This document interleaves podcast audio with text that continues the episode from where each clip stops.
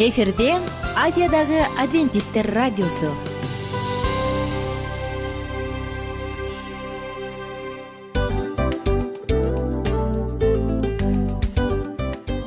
Достор салют.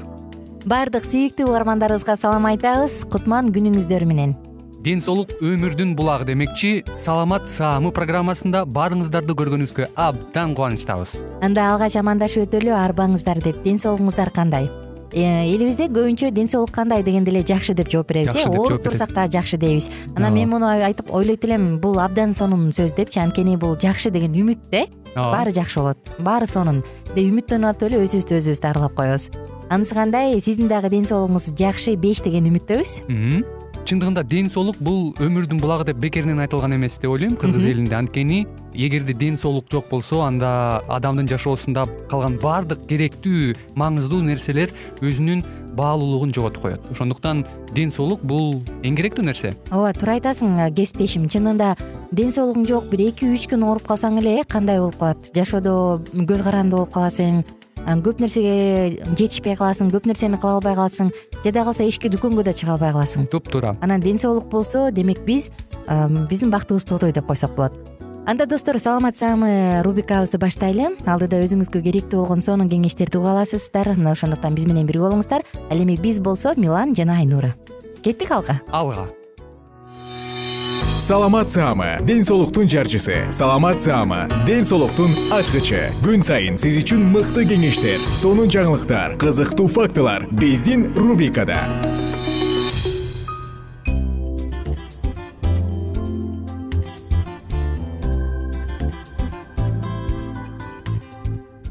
кутман күнүңүздөр менен ардактуу замандаштар угармандар жана достор жалпыңыздар менен амандашып биз саламат рубрикасын баштадык. Жалгыз эмесмин маңдайымда кесиптешим отурат чоң рахмат мени чакырганыңарга. Чындыгында ден соолук темасы мага абдан кызыктуу жана мен ойлойм биздин талкуулоолор э, биз бөлүшкөн кеңештер сиздерге дагы бир э, жардам берет деп ишенебиз. Анткени ден соолук чындыгында адамдардын жашоосунда эң керектүү эң маңыздуу биринчи байлык ден соолук э, демекчи чындыгында биздин темаларыбыз абдан кызыктуу жана актуалдуу деп ишенем. Кызматта мен айнура миназарова жана кесиптешим милан турсуналиев сиздер мененбиз бүгүнкү тема ар бир угарманыбызга кызык деп айтам. Анткени муну сүйбөгөн адам жок. Дүйнөдө эмне таттуу дегенде баарыбыз уйку дейт эмеспизби. Дал ушул уйку жөнүндө болот. Эмесе деги эле укташ керекпи канча саат укташ керек? Эмне үчүн укташ керек? Келиңиздер ушул тууралуу. Бир аз болсо дагы кыскача сүйлөшүп көрбөйлүбү кандай дейсиз? Макулмун чындыгында уйку деген эң эле аздык кылган э, нерселердин бири деп ойлойм. Себеби дегенде адамдардын баары эле ушул э, эс алуу жетишсиз уйку жетишсиз. Баардыгы канбай калды уйкулары канбай эле эртең менен маршруткада тыгылып келатсаң баары тең көздөрүн уймалап уктап эмиш болуп турушат. Туура айтасың. Чындыгында ошол уйкунун негизи бул биз уйкуну эмне үчүн бизге керек? Организмге биздин ден соолугубузга кандай пайдасы бар кандай таасири бар? Жана эмне үчүн аз уктаган же көбүрөөк уктаган бул зыяндуу экенин бүгүн биз сиздер менен талкуулайбыз. Негизи биздин мисалы ар бир адамдын бир айда жети жүз жыйырма саат убактысы болот экен. Бир айдын ичинде анын эки жүз кырк саатын биз жумушта өткөрөбүз. Ал эми калган эки жүз кырк саатын уктап өткөрөт экенбиз. Элестетип көр э ошондо үчтөн бир бөлүгү жашообуздун үчтөн бир бөлүгү уйку менен өтөт. Бирок ал канча көп болбосун баары бир аздык кыла берет. Анан тилекке каршы уктай албагандар же түнкү сменде иштегендер дагы бар. Алар болсо өмүр бою ушу дайыма эле уйкуга мас болуп жүргөндөр эмне үчүн жетиштүү укташ керек? Балким ушул жөнүндө сөз кылып көрсөк. Кесиптеш сен канча саат уктайсың? Мен э, албетте жети сегиз саат уктаганга аракет кылам. Бирок айта кетчү нерсе бул негизи ден соолуктун жетишсиздиги бул биздин акыркы эки кылымда эле пайда болгон көйгөй экен. Буга чейин буга чейин адамзат эч кандай баягы технологиялык прогресс жок кезинде компьютер э, телефон. интернет байланыш жок кезинде адамзат адамдар негизи туура укташчу экен күн батар менен эле күн чыгаар менен эле жашап келишкен. Анда свет да жок кезде анда көйгөй болбосо керек э? Ооба канчада уктайбыз деген. кийин эле ошол акыркы эки кылым ичинде э, бул эң көйгөйлүү эң чоң маанилүү суроолордун бирине айланды. Бүгүн дүйнөлүк ден соолук саламаттыкты сактоо уюму эң чоң көйгөйлөрдүн бири деп айтып атат. Бул уйкунун жетишсиздиги. Бүгүн оору. уйкунун жетишсиздиги бул деген адамзатты бүгүн өзгөчө кедей болобу бай болобу любой мамлекеттерде адамдар ушуга жабыркалып турат да. Баардык адамдар уйкусуздукка жабыркашат э же уйкусуздук уйкуга мас келишет. Ооба кызыгы бир нече жылдардан мурун советтер союзунда эле сен беш алты саат эле уктасаң жетиштүү деп айтып келишчү экен да. Ооба. Беш алты саат уктап болду. Эгер сен андан ашык уктасаң анда жалкоосуң депчи. Бирок азыркы заманда тескерисинче статистика жети сегиз саат укташ керек. Болбосо организм түнкү восстановление деп коет эмеспи? Ар бир орган өзүнүн калыбына кайра келип жетишпейт деп айтышат да. Негизи эле канча саат уйку жетиштүү деп ойлойсуң? Э, негизи бул уйку э, саат айтаарга чейин э, мен айтат элем бул уйкунун өзүнүн фазалары бар өзүнүн э, убакыты бар. циклдары бар биз деген уйку десе эле биз көзүбүздү жумуп эле мындай төшөккө жатып уктап калганыбызда эле уйкуго деп ойлобошубуз керек. Уйкунун өтө маанилүү э, убакыты бар экен. Мисалы үчүн тогуздан он экиге чейинки саат кечки тогуздан он эки э, түнкү он экиге чейинки саат организмге эң эле керектүү убакыт. Себеби бул убакытта адамдын организминде э, денесинде мелатонин деген гормон бөлүнүп чыгат. Бул мелатонин адамзатка адамга абдан керектүү гормондордун бири. Анын иммунитети анын э, көптөгөн э, ошол ден соолугунун абалы анын кийинки күндө кантип убакыт өткөрөт кандай анын жада калса ошол канча жыл жашайт өмүрү канчалыкка чейин узалат ошонун баарына чейин кичинеден кичинеден өзүнүн кандайдыр бир таасирин тийгизген нерселердин бири. Бирок тилекке каршы бүгүн адамзат жаштар өзгөчө жаңы муун төшөккө жатаар убагы тогуз он эмес он экинин чукулу болуп калган да. Он экинин тегереги болуп калат ошол себептен көптөгөн оорулар келип чыгат дейт. Бүгүн окумуштуулар чындыгында катуу коңгуроо кагып баардыгын айтып атышат. Бүгүн төшөккө жатаарда эрте жатыш керек эрте туруш керек. Андан тышкаркы башка дагы бир көйгөйлөрдүн бири бул мен жакында эле ойлоп окуп чыктым. Смартфондор менен уктоо бул өтө зыяндуу экен. Элестет көрсө. Жатаар алдындабы чукулаган же жаткандан кийин жаздыктын алдына коюп коюусубу кайсынысы тагыраак тагыраак айтканда бул бир гана смартфон эмес э, деги эле баардык ошол экран. экран баягы жаңырып турган күйүп турган экран. Телевизор болобу сыналгы болобу э, смартфон болобу же э, планшет болобу иши кылып бүгүн айырмасы жок э, бүгүн ар бир адамда колунда жок дегенде эле телефон бар. жок дегенде телефон анан сөзсүз түрдө мындай кнопкалуу эмес мындай смартфондор бар ошон үчүн. Бул баягы жасалма жарык көзгө кирип мээге таасир этет экен дагы ошол мелатониндин чыгаруусуна тоскоол болуп анан неме мээнин эс алышына дагы тоскоол кылат экен. Мисалы үчүн биз чукулап туруп анан жаткан кезде биз түн ичинде жакшылап эс албайт экенбиз жетишерлик уктабайсың э? Жада калса жети сегиз саат уктасаң дагы жакшы биз бүгүн уйку жөнүндө айталы дегенбиз бирок биз уктаар алдындагы даярдык жөнүндө сөз кылып калдык. Алдыңкы уктурууларда дагы кененирээк сөз кылабыз. Анан бүгүн дагы мен бүгүн эртең менен бир сонун маалымат уктум да. Кыймылсыз жашоо уйкусуздук адамды он жылга эрте картыйтат жана он беш жылга эрте мезгилсиз өлүмгө алып келиши мүмкүн дейт элестетип көр. Карап көр. Мурун мисалы бул нерсеге чылым чегүү алкоголдук ичимдиктерди ичүү семирүү кыймылсыз жашоо эле болгон болсо азыркы учурда эң биринчи кезекке чыккан кыймылсыз жашоо бул көбүнчө кеңселерде кыймылдабай отуруп иштегендер жана уйкусуздук дейт. Бул нерсе адамдын өмүрүн он беш жылга чейин кыскартып кое алат экен анан окумуштуулар эки топко адамдарды бөлүп туруп кырк жыл бою изилдешиптир. Ал жакта жетиштүү уктап жумасына жок дегенде төрт саат аэробика менен машыккан адамдар өз өмүрүн он он үч жылга чейин узарта алышыптыр элестетип көр кызыктуу кызыктуу. Биз угармандарыбызга эмне демекчибиз? Эгерде сизге дагы бул тема кызык боло турган болсо анда алдыңкы уктурууларды калтырбаңыздар. Алдыда биз бул тууралуу дагы кызыктын баардыгын айтып беребиз деп убада беребиз. Ошондуктан жыштыктан алыстабаңыз. Коштошолубу жакшы калыңыздар. Кайрадан үн алышканча саламат саама ден соолуктун жарчысы. Саламат саама ден соолуктун ачкычы. Күн сайын сиз үчүн мыкты кеңештер сонун жаңылыктар кызыктуу фактылар биздин рубрикада. Салют замандаштар баарыңыздарга ысык салам. Дил маек программабызга кош келиңиздер. Дил маек рубрикасы дегенде эле бул эмне болгон дил маек ким менен маектешебиз деп сурайт болуш керек угармандарыбыз бул рубриканы кыскача тааныштыра кете турган болсок ар тарап кесип ээлеринен болгон сонун интервью кеңештер бар. Ооба. жылдыздар менен болгон маек бар. Аталарыбыздын агаларыбыздын чоң аталарыбыздан сонун кеңештер бар. Ошондой эле эже сиңдилердин кеңештери бар айтор. Баардык кызыктардын баары алдыда. Негизи эле адам баласы бир кимдир бирөөнө ишенип сырын ачкысы келет эмеспи э мындай баарлашууга жакын келебиз го. Албетте.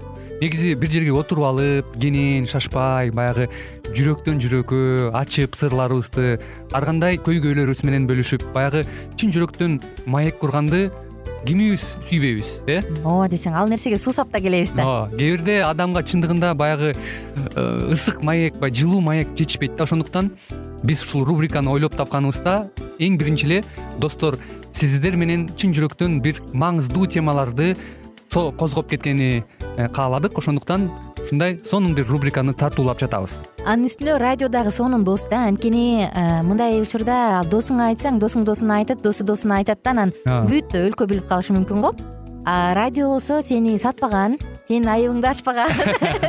Сенин сырыңды эч кимге айтпаган сонун дос мына ошондуктан биздин алдыдагы айта турган кеңештерибизди биздин досторубуздун кеңештерин угуп анан ал жака пикириңизди дагы калтырып кайрадан биз менен байланышсаңыздар болот. Деги эле жашооңузга эгерде кичине болсо дагы өзгөрүү алып моралдык жактан нравовик жактан сонун бир кеңештерди алсаңыз демек биз максатыбызга жеттик. Ооба. Чыңгыз атабыз улуу жазуучу э, чыңгыз айтматов айткандай адам болуу бул күнүмдүк процесс экен. Күн сайын адам бойдон калуу бул адамзатка эң эле кыйын дейт э? э эң кыйын дейт. Чындыгында бунун э, негизинде адамдын эң баягы сапаттуулугу адамдын э, адамгерчилиги жана көптөгөн керектүү нерселер. Мына ошол темалар дагы бизде ушул дил маекте биз аларды да козгойбуз. Ден соолук жөнүндө да сүйлөшөбүз. Сөзсүз түрдө анан милан мырза негизи айтып коюшат го. Биз көбүнчө эмнени ойлонсок? Ошол нерсеге карата иш кылабыз го. Ооба. Анан анысы кандай? Балким бул радио баракчада кимдир бирөөнүн оюн текшергенге жардам берет кимдир бирөөнүн жүрөгүн текшергенге жардам берет. Балким кимдир бирөөгө жашоонун маңызын тапканга жардам берет. Айтор кызыктын баары алдыда бул жөн гана кыскача жарнама анда угармандарыбыздын баардыгын кийинки рубрикабызга чакырабыз. Ал эми кызматта маңдайымда отурган кесиптешим милан жана мен айнура. Анда эмесе биз даярдаган терең терең ойлор менен таанышууга кеттик. Алыс алыс баралык. Анда эмесе достор биз менен бирге болуңуздар. Алдыда эң кызыктуу маалыматтардын баардыгы бир нече мүнөттөр бою жалгыз гана сизге арналат мына ошондуктан жакшы маанай менен угууну каалайбыз. Үн алышканча. Жөнөдүк. Ар түрдүү ардактуу кесип ээлеринен алтын сөздөр жүрөк ачышкан сыр чачышкан сонун маек дил маек рубрикасында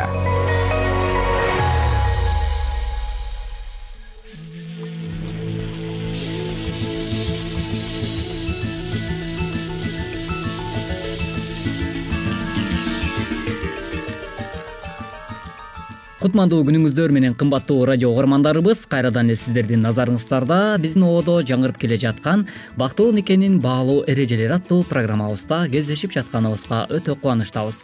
Кайрадан эле кызматыңыздарда аты жөнүм мен улан кубанычбеков жана ошондой эле кесиптешим. Жана мен асель мамбетова саламатсыңарбы урматтуу угармандарыбыз бүгүнкү программабыздын чыгарылышында биз сиздер менен дал ушул үй бүлө жаатына арналган бир нече кеңештерибиз туурасында дагы бүгүнкү уктуруубузда маек кылмакчыбыз. Андыктан бул мүнөттөрдө биздин ободон алыстабай биз менен биргеликте болуңуз. Ал эми үй бүлөлүк жаатта чыр чатактын чыгуусуна көп эле нерселер себеп болот эмеспи? Мисалы кечке жумушта отуруп чарчап кечинде үйгө барсаң келинчегиң сыртка чыгып сейилдеп келүүнү сунуш кылат. Сен ага чарчаганыңды айтасың. Ал таарынат же болбосо финансы маселесинен да уруш чыгуусу мүмкүн. Мисалы ал бир кийимди жактырып аны алгысы келет. А сен квартирага али акча төлөй элексиң. Анан да продукт алышың керек. Андан сырткары дагы башка пландарың болушу мүмкүн. Ал эми жубайыңа мурдакы айда эле жаңы көйнөк алып бергенсиң. Ал эми ал бул айда жаңы туфли алууну каалоосу мүмкүн. Негизи мындай абалдарда чыр чатактын чыгуусу ошол жубайлардын өзүнөн түздөн түз көз каранды. Эгер алар бири бирин жакшы түшүнүшкөн болсо анда эч кандай чыр чатак болбойт албетте мындай нерселер дагы айрым бир үй бүлөлөрдө сөзсүз түрдө боло турчу нерсе эмеспи. Мисалы кээ бир учурда кесиптеш ушул э, баягы болоор болбос нерседен эле э, чыр чатактар орун алган дагы учурларга айрымдарыбыз күбө болуп э, калсак керек. Мисалы үчүн баягы кыргыз элинде дагы айтылган бир жакшы макал бар го. Араң турган көз эле чыгып кетти өзү эле болуп мисалы ушул болоор болбос кандайдыр бир алдын ала кеңешпей туруп же болбосо алдын ала убадалашпай туруп кылган иштин натыйжасында мына ушундай э, чыр чатактарга биз кээ бир учурда бир жол ачып койгон болот экенбиз да. Туура ал эми ажырашууга токтоло турган болсок сураштырып көбүнчө эле болоор болбос себептердин айынан ажырашкан болушат. Муну бири бирин сүйбөй үйлөнгөндүктөн деп айтууга кыйын. Сүйүшүп күйүшүп жүрүп үйлөнгөндөр деле ажырашып кетишет. Мунун себеби алар үй бүлөлүк жашоого даяр болбогондуктан деп ойлойм жашоо бул бал муздак жеп селкинчектей үйдөн эле турбасын билгендиктеринен чогуу жашоонун башында баары жакшы болгону менен кийинчерээк финансылык же башка проблемаларга кабылган убакта алардын арасында түшүнбөчүлүк келип чыгат. Анын артынан ажырашып кетишкендер көп. Көбүнчө финансылык проблемалардын айынан түшүнбөчүлүктөр көп чыгат анан кээде жаш келин кайненеси жана башка күйөөсүнүн туугандары менен тил табыша албагандыктан дагы ажырашуулар болот. Бирок эң эле негизги себеп деп мен баланы да кыздын да өз үй бүлөсүндө жетишээрлик даражада тарбия ала албагандыгында деп ойлоймун. Балага тарбия берүү жөнүндө кыскача бул нерселерди айтса болчудай бул берүүдө биз толугу менен түшүндүрүп бергенге убактыбыз тар. Ошентсе дагы эң маанилүү нерселерди айтып кетпесек болбойт. Бул нерселер баарыбызга тең пайдасы зор деп ишендирип кетмекмин.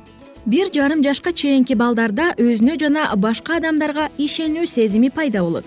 Бул убакта алсыз наристе болгондугу үчүн чоң адамдардын жардамына муктаж жана белгилүү убакытка чейин ата эненин камкордугу менен жашайт ошол себептен жасалган мамилеге жараша баланын жеке адамдык сапаттары мүнөзү калыптанат.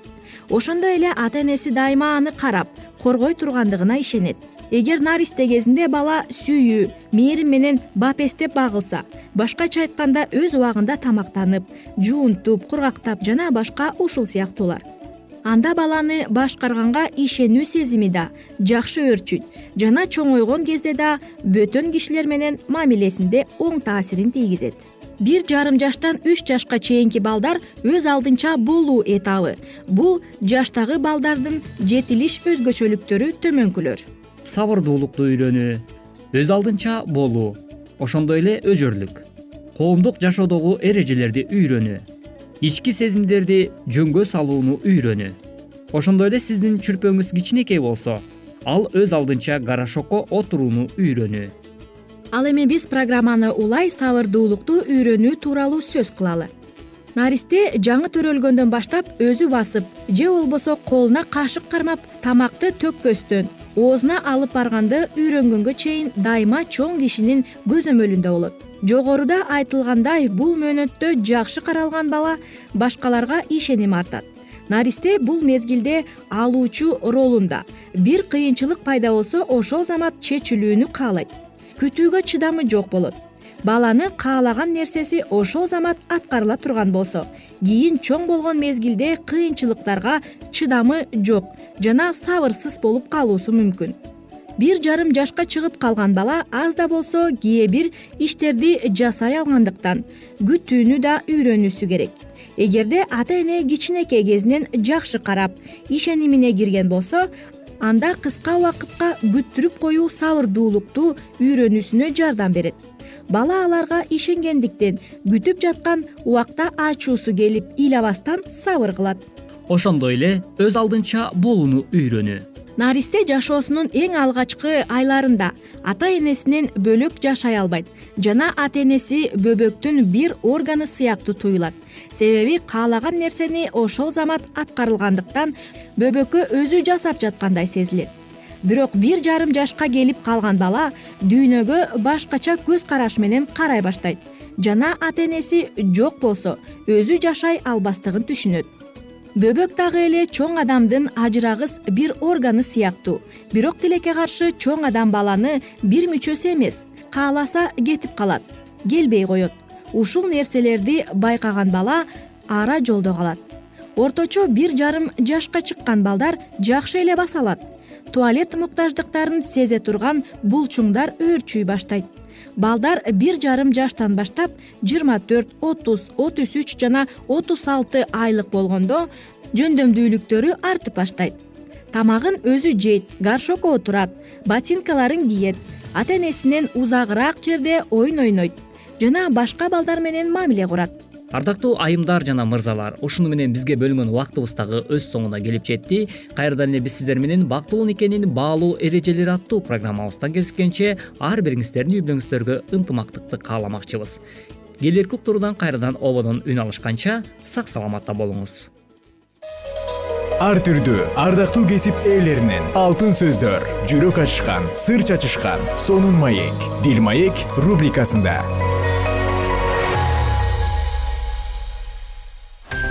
жан дүйнөңдү байыткан жүрөгүңдү азыктанткан жашооңо маңыз тартуулаган жан азык рубрикасы.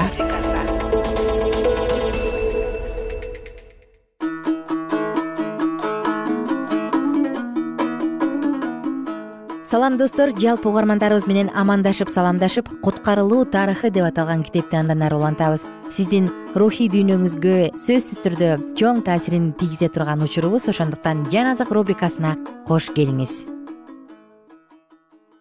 жарыктын мырзасы менен караңгылыктын мырзасынын ортосунда ынтымак болбогондой эле алардын жолдоочуларынын ортосунда дагы эч кандай ынтымак боло албайт. Машаяктын жолдоочулары машаяктын окутууларынын кээ бирин гана кабыл алышкан бутпарас адамдар менен биригишкенде алар чындыктан улам улам алыстай берген жана алыстай бере турган жолдого түшүшкөн. Машаякка ишенген адамдардын көпчүлүгүн азгырып кеткендигине шайтан абдан кубанып салтанат курду акырындык менен ал алардын үстүнөн чоң бийликке жетишип кудайга баштагысындай эле ишенимдүү адамдарды куугунтукка ала баштады. Чыныгы машаяктын окутуусун карманган адамдар менен күрөшүү машаяктын окутууларын толук карманбаган адамдар үчүн кызык боло берди. Булар машаяктын окутууларын жарым жартылай кабыл алышкан адамдар менен биригишип машаяктын окутуусунун эң башкы бөлүгүнө каршы чыга башташты бул кудайга өз ишенимдерин бекем сактоону каалашкан жана жыйынга адашуулардын кирип кетүүсүнө жол бербеген адамдар үчүн чоң каршылыктарды туудуруп турду. Ыйык жазуу өзүнүн ишенимдин негизи болгон кадырын жогото баштады. Ыйык жазуунун негиздери менен жүргөн окутуулар жалгандык деп аталып жана ал чындыкты карманган адамдарды жек көрүшүп мыйзамсыз адамдар деп жарыялашкан. Бөлүнүүнүн зарылдыгы көпкө созулган күрөшүүлөрдөн кийин машаякка чын жүрөктөн ишенген адамдар өздөрүн бутпарастыктан жана адашуудан сакташ үчүн машаяктан баш тарткан жыйындар менен бөлүнүү туура деп табышты. Кудайдын сөзүнө ишенимдүү жана тил алчаак болуш үчүн бөлүнүү зарыл экендигин алар түшүнүшкөн машаяктын окутууларынын баш тартуу өздөрүнө дагы жана алардын балдары неберелерине дагы коркунуч туудуруп жаткандыгы кудайдын чыныгы уулдары үчүн чыдап жүрө алгыс болуп калган жыйында тынчтык жана биримдикти сактап калыш үчүн алар бардыгына даяр эле. Бирок алардын кудайга ишенимдүүлүгүн бузууларды алар жакташа албады. Дүйнөгө тынчтык алып келүү өтө кымбат турган. Биримдикти сактап калууда чындыктан жана адилеттиктен баш тартуу керек болуп жаткан болсо анда бөлүнүү же жамандык менен күрөшүү туура болот. Азыркы мезгилде кудайдын элинин жүрөгүндө ошол кездеги адамдар жетеленген чындыктын негизи туула турган болсо жыйын жана тынчтык үчүн кандай жакшы болмок? Элчи пабыл мындай деп айткан. Ыйса машаякта такыба болуп жашоону каалаган адамдардын бардыгы куугунтукка кабылышат. Экинчи тимедей үчүнчү бап он экинчи аят. Анда эмне себептен куугунтуктоолор жана аңдуулар токтоп калды? Анын себеби төмөндө. Жыйын дүйнөлүк шарттарга көнүп калган ошондуктан өзүнө душмандык мамиле чакырбайт ыйса машаяктын жана элчилердин учурундагы ишенимден айырмаланып биздин учурдагы диний ишеним өз тазалыгын жана касиетин жоготуп койгон. Машаякка ишенебиз деген жыйындар бүгүнкү күндө мынча көп жана даңазалуу болуп жаткандыгынын себеби кудай сөзүн жогору тутушпайт.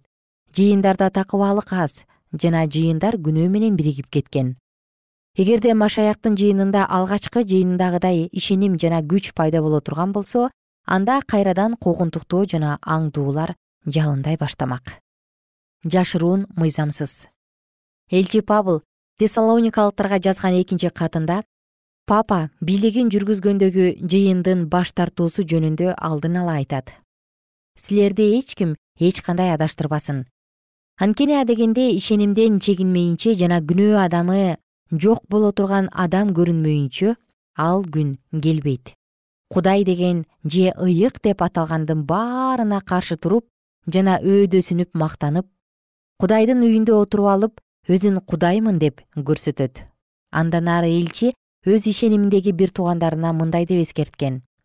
Мыйзамсыздыктын жашыруун сыры эми аракетте экинчи тессалоникалыктар экинчи бап үчүнчү төртүнчү жетинчи аяттар алгачкы жыйында эле папалык падышалыкка даярдалып жаткан адашуу жолун ал байкаган.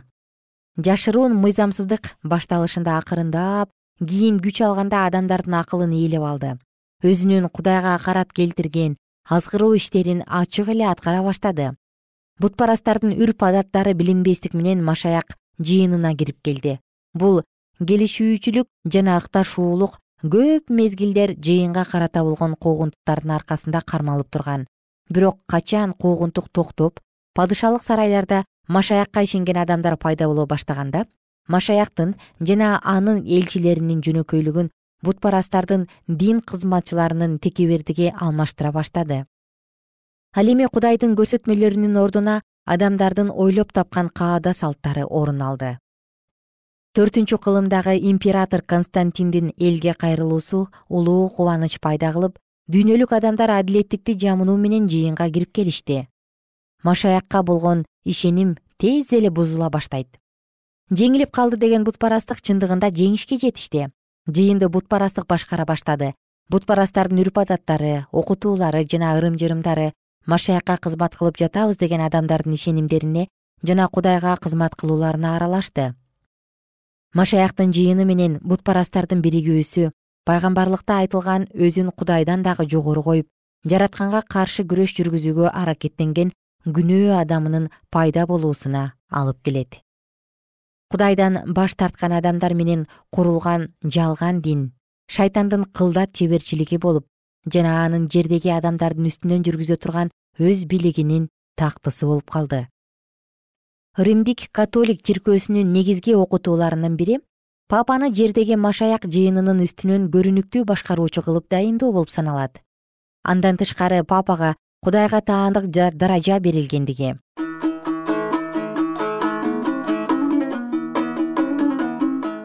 Кымбаттуу угарман сиздер менен окуябызды кийинки уктурууда сөзсүз түрдө кудайым буюрса улантабыз күнүңүздөр көңүлдүү улансын жана ар бир угарманыбызга кааларыбыз ийгиликтүү күн. Бар болуңуздар бай болуңуздар. Кайрадан кийинки жолу биздин толкундан амандашканча сак саламатта туруңуздар. Достор көңүлдүү күн жана беш деген маанай жылмаюу уртуңуздан кетпесин. Кайрадан амандашканча